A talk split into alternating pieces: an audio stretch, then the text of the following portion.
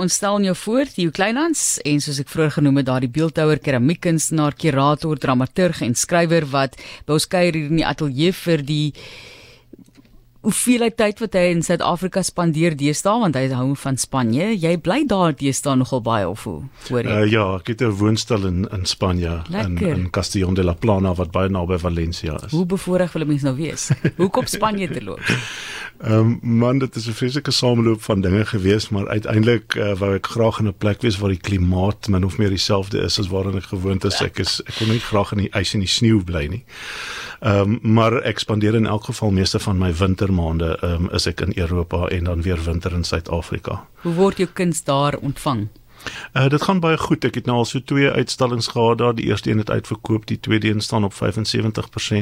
Ehm um, en ek is gelukkig nou dat ek dinge uitgesorteer het dat ek ook 'n studio daar het wat ek deel met ander kunstenaars, maar ek het at least nou 'n studio ehm um, en 'n keramiek oond ja. en so so dit raak nou makliker. Iewers moet ons teruggaan na die begin toe en jy weet hierdie 'n klein seentjie wat droom eendag van sy eie uitstalling. Op watter stadium het jy daai droom gehad of was dit eers later in jou lewe? Nee, jong, ek het van kleins af die ding wat my ouers onthou het um is dat ek altyd um voor die radio gelê het op my maag op die grond en dat ek uh comic books wat hulle vir ons gekoop het se voorblaaie oorgeteken het en dat hulle nogal beïndruk was deur my um akkuraatheid daarmee as 'n as 'n jong seentjie nou. Ehm um, en daarna het ek baie op die landbou welkoms welkomse landbou skou het ek baie keer deelgeneem aan die kunskompetisies en dinge daar. Is dit 'n goeie leerskool en, op so 'n manier? Uh, nie regtig nie, maar ek meen om in welkom te groot te word was nou nie een van die mees stimulerendste plekke vir die visuele kuns nie. Was meer boksers wat daar vanaf kom as 'n sportman en so, jy weet. Ja, maar hier is interessant hoe ehm um, mense dan ontwikkel daarvan af. Nou so ja. lê voor die radio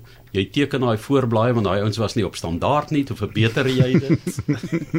so um, het, het jy net altyd 'n liefde vir teken kuns nog altyd 'n liefde gehad vir kuns ja. Um, ek is ek is ek is fisiek nuuskierig jy weet. So ek wil altyd uitvind hoe goed werk en um, met kuns is dit dieselfde ding jy weet. Jy is die hele tyd besig om met nuwe materiale te werk of met nuwe maniere ding aan te pak uh, so dit gaan baie keer later nie eens meer oor die vormgewing of oor daardie gedeelte van die werk nie. Dit gaan oor die oor die incredible journey om uit te vind hoe goed werk En dis een van die redes hoekom ek um, in die afgelope paar jaar meer in keramiek begin werk het en minder begin skilder het omdat die keramiekwêreld juist so gekompliseerd is en dat mens jou lewe lank keramiek kan doen en nog steeds nie alles kan doen of weet hoe alles werk in keramiek nie. Hoekom sê jy gekompliseerd? Ehm um, want alles kan alles verander die hele tyd. Jy weet 5 grade se verskil in die oond wanneer jy iets bak, uh, kan die kan die kan die kleur of die of die look van die van die glasuur verander. Dit kan uh, alles kan verander. Jy elke keer maak nie saak hoeveel jare jy 'n keramiek oond uh, vuur nie, as jy hom oopmaak is dit elke keer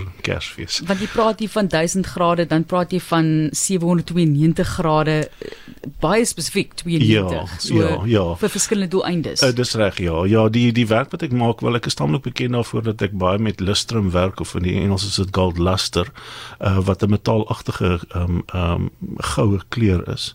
Ehm um, en om dit te kan bewerkstellig word dit aangebrand bo op glasuur.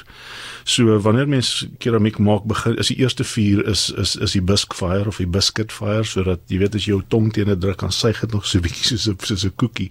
Ehm um, en dit uh, daarna gaan dit in die glasuur wat met water gemeng is en die glasuur word dan vasgesuig aan die aan die aan die pot of aan die buitewand.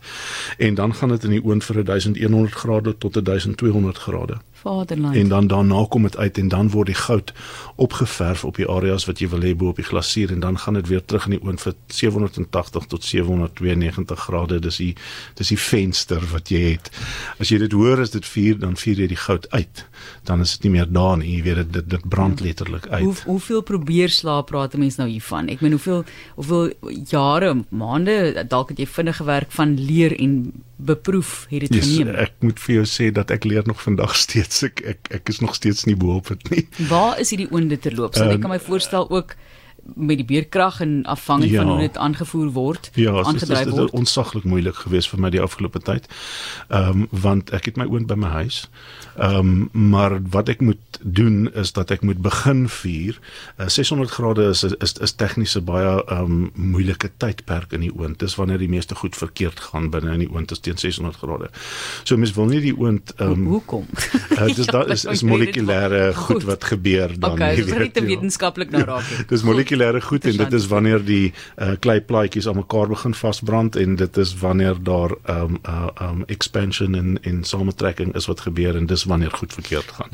So jy wil glad nie teen 600 grade moet die oond doodstil staan en dan moet geen dinge gebeur daar nie. So wat ek doen as ons beerdkrag het is ek begin vuur ehm um, in die 4 ure voor die tyd want uh, net ongeveer is dit 100 uh, grade per uur wat 'n oond opgaan.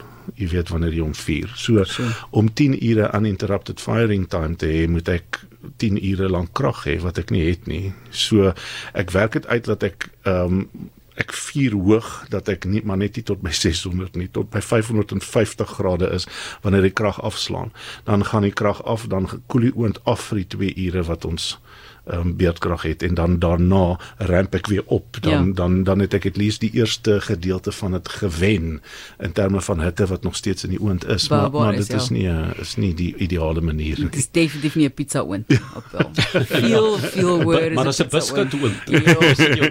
maar um, jy sê Spanje in die winter en Suid-Afrika in die winter ja alle um, mense gaan vir somervakansies uh, nee nie as jy in Spanje is waar dit 45 grade word en en en, en 48 40 grade warm word veral in die suide waar ek is nie. Ehm um, dis die een rede en die ander rede ek was nog altyd meer produktief in die somer as wat ek in die winter is is maar 'n persoonlike ding. Ehm um, en in Europa is somer is die partytjie tyd. Jy weet dan mense is besig om te reis, hulle is op strande, hulle is in clubs, hulle is in skiplekke, hulle is nie in museums en terwyl in die winter lewe mense meer na binne, jy weet. So dit is 'n beter tydperk vir die visuele kuns om in die winter in die land te wees as wat dit is in die somer. As jy mens gaan kyk na ehm um, die Spaanse kunstenaars en ag jy weet ek dink nou aan Dali en ja. maar maar ook ehm um, hoenderwasser se tipe van werk laat mense nogal dink aan aan keramiekkunstenaars, nou inspireer die ja, omgewing. Ja, ja, ja, vir en, en veral Gaudi, jy weet Gaudi fantastiese werk wat Gaudi gedoen het met die La Sagrada Familia en met Parguel en verskeie ander plekke ook, maar uh, ja, keramiek is nogal baie ehm um, uh, uh, eie aan aan Spanje. En selfs die area waar ek woon is ons is omring deur ehm um, keramiekfabrieke ehm um, wat uh, meeste van die teëls en ook badkamerbenodigdhede en sulke dinge vervaardig vir die suide van Europa. Ehm um, so keramiek uh, kom is definitief baie diep gesetel in in in uh, Spanje. Hmm. Maar mens dink ook aan Delft en daai plekkies al daai gebak en die goede ja. wat is dit Meissen Ja, Meissen nou, Meissen nou Duitsland, Delft uh, uh, nou nou Holland maar maar in in in Spanje ehm um, uh, ook vreeslik baie van die soort van Delft geïnspireerde, jy weet die blou en wit ehm um, kleur gebruik, maar dan nou ehm um, baie meer ornate, baie meer ehm um, baie baie meer krulletjies en draadjies as wat die ander mense het. So dis baie interessant. Vertel ons 'n bietjie van Infanta. Ons ken Kaap Infanta. En ja. dan hou ons van Fanta drink ook, maar jy jy het ander verbintenis. ja, ehm um, Infanta is die titel van my volgende uitstalling wat open as deel van ehm um, Keramiek Maand in November. November is Keramiek Maand in Suid-Afrika en by die Rust en Vrede Galery in Durbanville, ehm um, in in Wellington Straat open ons hierdie Saterdag vier verskillende ehm um, keramiek uitstallings. Henny Meyer met 'n fantastiese uitstalling met die titel Fas, ehm um, en dan ehm um, Ralph Johnson uh, wat in die vertrek langsom uitstal wat uh, die enigste persoon is wat 'n doktoraat in in in glasuur het in Suid-Afrika so baie interessante baie mooi glasure en sy vriend Hannes uh, van Sail wat skilderye teen die muur wys en in die ehm um, voorste vertrek uh, wys Joe Roots van haar geperforeerde werk wat uh, gemaak word uit drying clay so ook 'n baie interessante show om te sien maar my uitstalling se titel is Infanta en vir Infanta het ek die Infanta wat die ehm um, prinsesie is in die Franse hof van die Franse koning en koningin hulle jongste dogter. Ehm um, haar uh, sal word verwys na haar as die infanta en sy uh, was gesien gewees as 'n taamlike waardelose persoon omdat sy haar ouer broers en susters het reeds ehm um, getrou aan al die ander wêreldmoondhede. Dis mos maar hoe die koningshuis sy hulle self in in in, in stand gehou het is om jy weet hierdie een se dogter trou met die Duitse koning se dogter se se seun en so hou hulle die krag en die power word tussen almal gedeel. Maar die um, omdat sy so laat gebore was en ek dink die 4de of die 5de kind was of was was sy gesien as waardeloos. En die hele hof het vreeslik op om haar gevef en met haar te kere gegaan en sy het die een rokkie na die ander en sy het 'n dwerg gehad wat haar vermaak het en sy het 'n reeks honde gehad waarvan sy baie gehou het maar um, in die uh, skildery van um, Velasquez uh, staan die prinses is 'n baie belangrike skildery omdat dit ook 'n baie moderne inslag het. Uh, mens sien goed wat gebeur in die skildery wat jy eintlik in daardie tydperk assosieer nie. Soos byvoorbeeld dat die koning en die koningin word nie gesien in die skildery nie, maar reg agter teen die agterste muur is daar 'n spieël waarin hulle weer kaats word.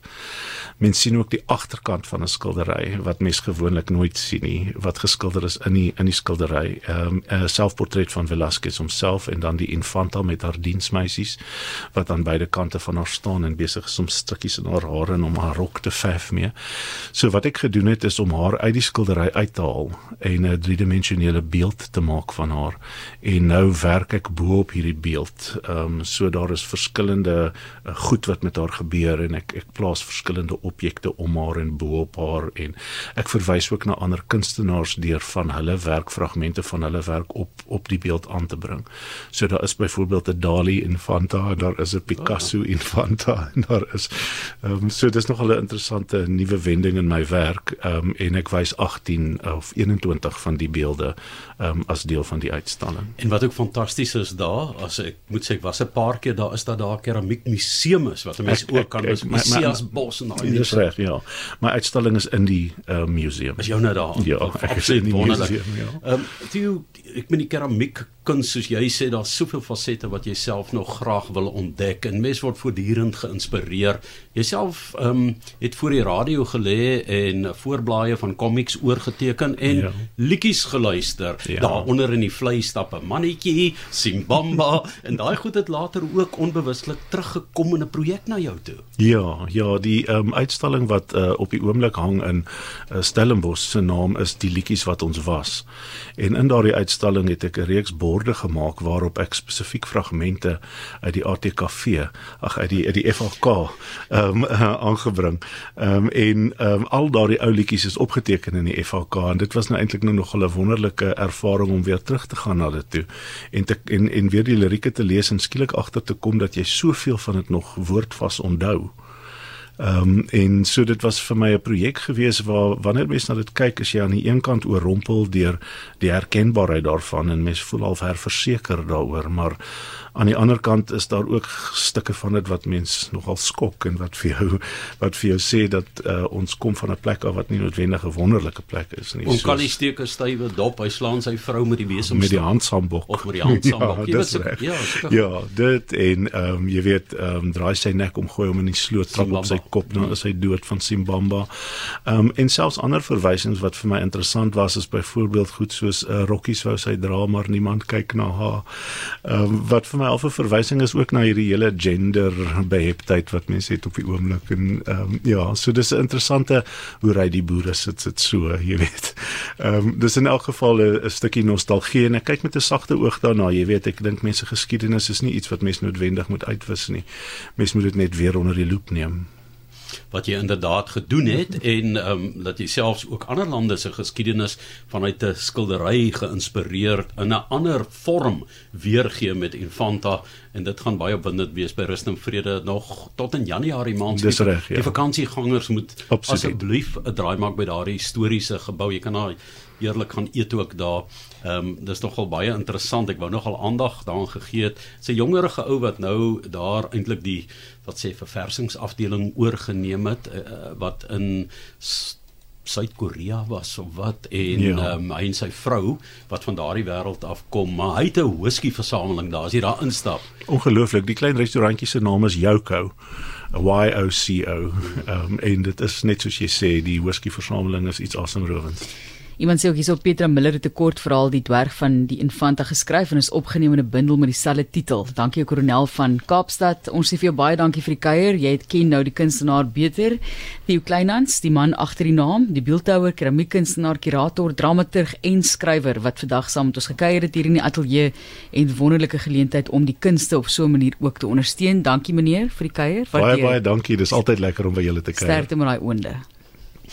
Ja, is lekker om met Theo te gesels. Hy was 'n groot inspirasie met die Belwel Kunsvereniging en as kurator ook, né, by die kunstefeeste, maar hy is nou soos hulle sê 'n rustende broer. Hy gee nou aandag geslag aan sy eie werk.